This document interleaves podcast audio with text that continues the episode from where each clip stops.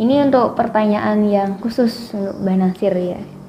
E, sebenarnya misi Mbak Nasir itu kan kalau melihat melihat beberapa klien itu yang datang kan apa ya merasa kalau ya hubungan alhamdulillah hubungan rumah tangganya mereka tetap lanjut gitu. Yang awalnya banyak pertikaian permasalahan tapi setelah konsultasi sama Mbak Nasir ternyata hubungan mereka aman-aman saja gitu. Ah. ini sebenarnya misi khususnya Mbak Nasir itu apa sih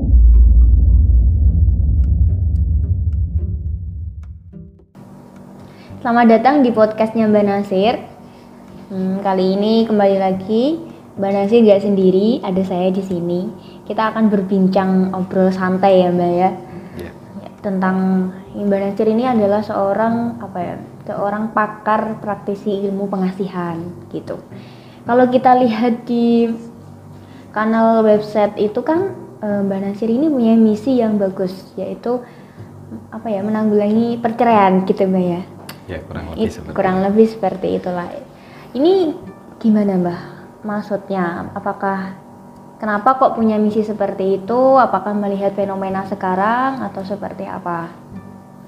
Ya kalau untuk hal itu sebenarnya berangkat dari dari dalam diri saya sendiri pribadi. Ya.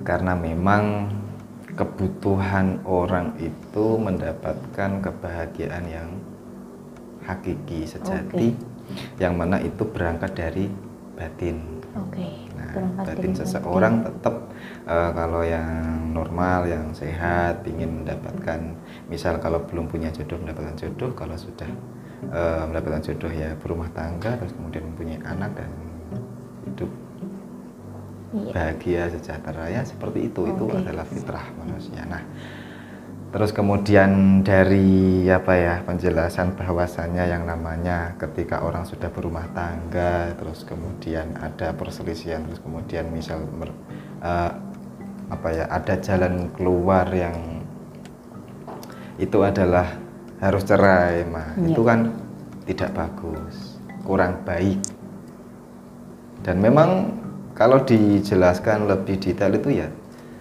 sangat tidak baik mulai dari ya, misal kalau sudah ada keturunan nah itu nanti sudah sangat repot dan sudah tidak bagus untuk mental si anak yang Iya. ditinggalkan itu terus kemudian walaupun sudah belum punya anak tetap yang namanya antar satu keluarga Iya. dan keluarga yang satunya sudah pernah menjadi satu keluarga Oke. terus kemudian bubar maka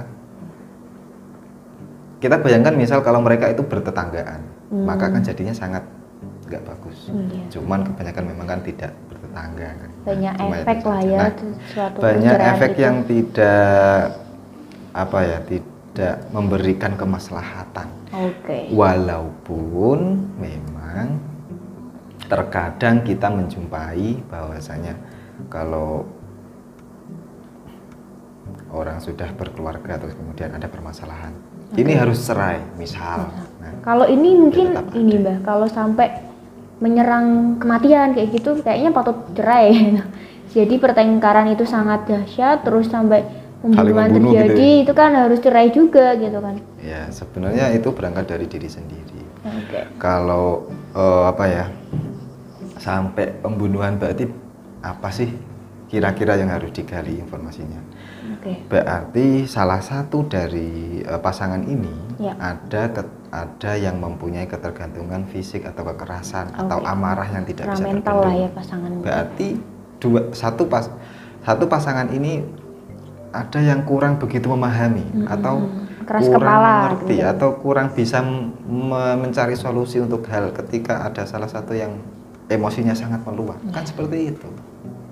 Seharusnya kan harus bisa Nah, melengkapi gitu kan. harusnya kalau sudah menjadi satu pasangan, ya dua-duanya harus saling mengerti Iya. seperti apa pasangannya itu tersebut begitu.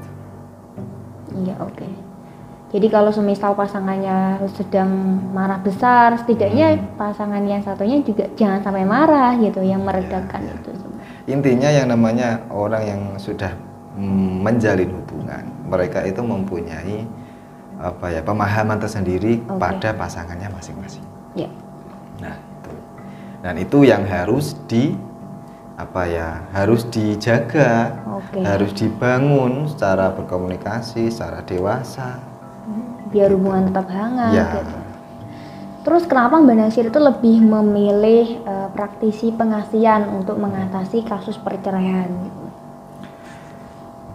Ya menurut saya kita sebagai orang Indonesia ini berangkat dari eh, orang Indonesia Historitas atau Indonesia ya? eh, eh, lebih tepatnya itu Jawa itu karena saya lahir di Jawa Oke. sangat kental sekali tentang eh, sejarah dan pengetahuan-pengetahuan tentang Mistik hmm, ya tanah Jawa ini. Ya dari zaman dahulu yang namanya apa ya ilmu-ilmu semacam itu itu ya sudah sudah sangat jauh melebihi dari kita Ya. dari dulu sudah sudah keluar sudah sudah ada mulai dari zaman Nabi mulai dari zaman sampai ke tanah Jawa pun dan tanah Jawa mempunyai ciri khas tersendiri Oke. karena pada zaman dahulu kita tahu sebelum tanah Jawa itu Islam Oke. ya eh, diislamkan mereka sudah mempunyai kepercayaan keyakinan dan ilmu-ilmu tersendiri. Oh iya. gitu. Terus kemudian Islam masuk menggunakan ajaran agama. Ya. terus ya sampai sekarang ada ajian dan ilmu atau apa pun. Nah guru-guru kita tetap menggunakan kata-kata atau mencampur kata-kata atau merangkai kata-kata suatu ilmu Ya. mantra atau apa pun biasanya kebanyakan itu ada campuran antara bahasa Arab Ya. dan juga bahasa Jadi Jawa. semacam mengakulturasikan lah ya, gitu. ya karena memang tidak bisa hilang itu Mm-mm. nggak bisa hilang Iya. Jadi sebenarnya Islam juga nggak menghapus semua budaya Jawa, cuma mereka hanya mengkolaborasi antara budaya Islam dan budaya Jawa gitu kan. Jadi semai ajian itu masih ada gitu. Oh itu jadi alasan Mbak Nasir kenapa tetap memilih pengasihan gitu. Mm, dan memang karena orang Indonesia itu nggak bisa luput dari hal ini sih Oke. sebenarnya Ya. Selain itu apa Mbak? Mungkin selain dari sisi kita tetap menjaga gitu kan Mm. budaya yang telah dibawa dari nenek moyang. Selain itu apa lagi? Lebih ke poin dari isi pengasihan Caca, kalau dari saya pribadi isi pengasihan adalah membuat diri kita itu poinnya adalah Oke. kita semakin eh, apa ya dekat dengan sang pencipta itu yang Oh, pertama ya. Jadi sarana hubungan Ya. kita dengan Tuhan ya. ya perbandingannya adalah ketika orang yang sedang menggunakan pengasihan atau orang yang tidak menggunakan pengasihan Ya.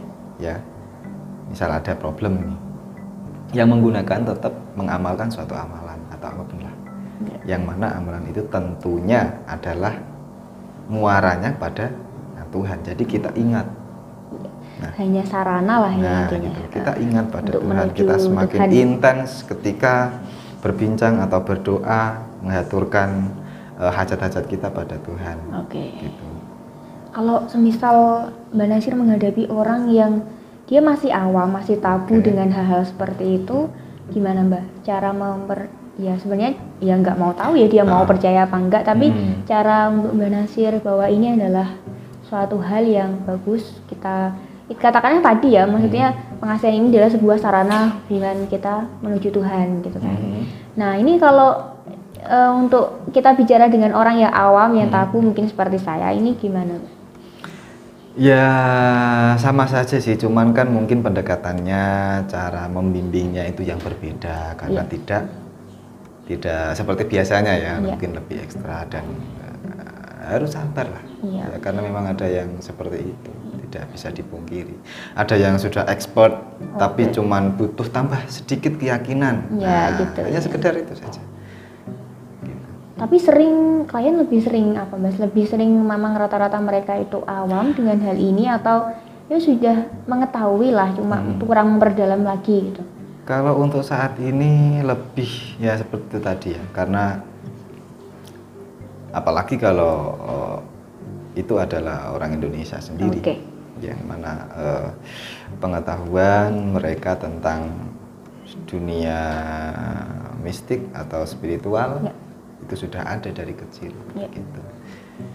cuman mungkin masalah kalau untuk penga- pengamalan Ya. suatu amalan atau masalah kesabaran ketika apa ya ketika mengamalkan sesuatu Oke. nah itu yang harus apa ya di dibimbing dan diberikan edukasi lebih Ya. tepat supaya mereka tetap eh, percaya diri dan tetap tidak terus apa putus asa Iya. Dan tidak Semangat, terjerumus dengan hal-hal yang baik Ke apa arah ya eh, negatif. maksudnya kan ya kita melakukannya itu dengan baik gitu. ya seperti itu jadi oke ini menarik sekali ya maksudnya kadang itu orang menganggap ah itu nggak boleh itu itu ilmu hitam gini-gini ya macam-macam Iya. itu kan tapi kan sebenarnya juga eh, ini sebuah bukan suatu hal yang baru gitu kan. Islam aja juga bukan dia masuk ke Indonesia bukan semena-mena langsung menghapus semua budaya Jawa enggak kan. Dia tetap mengaku Bali. bagus sih mbak. Ada alasan lagi alasan alasan lain lagi selain dari dua tadi ya sisi sejarahnya? Ini.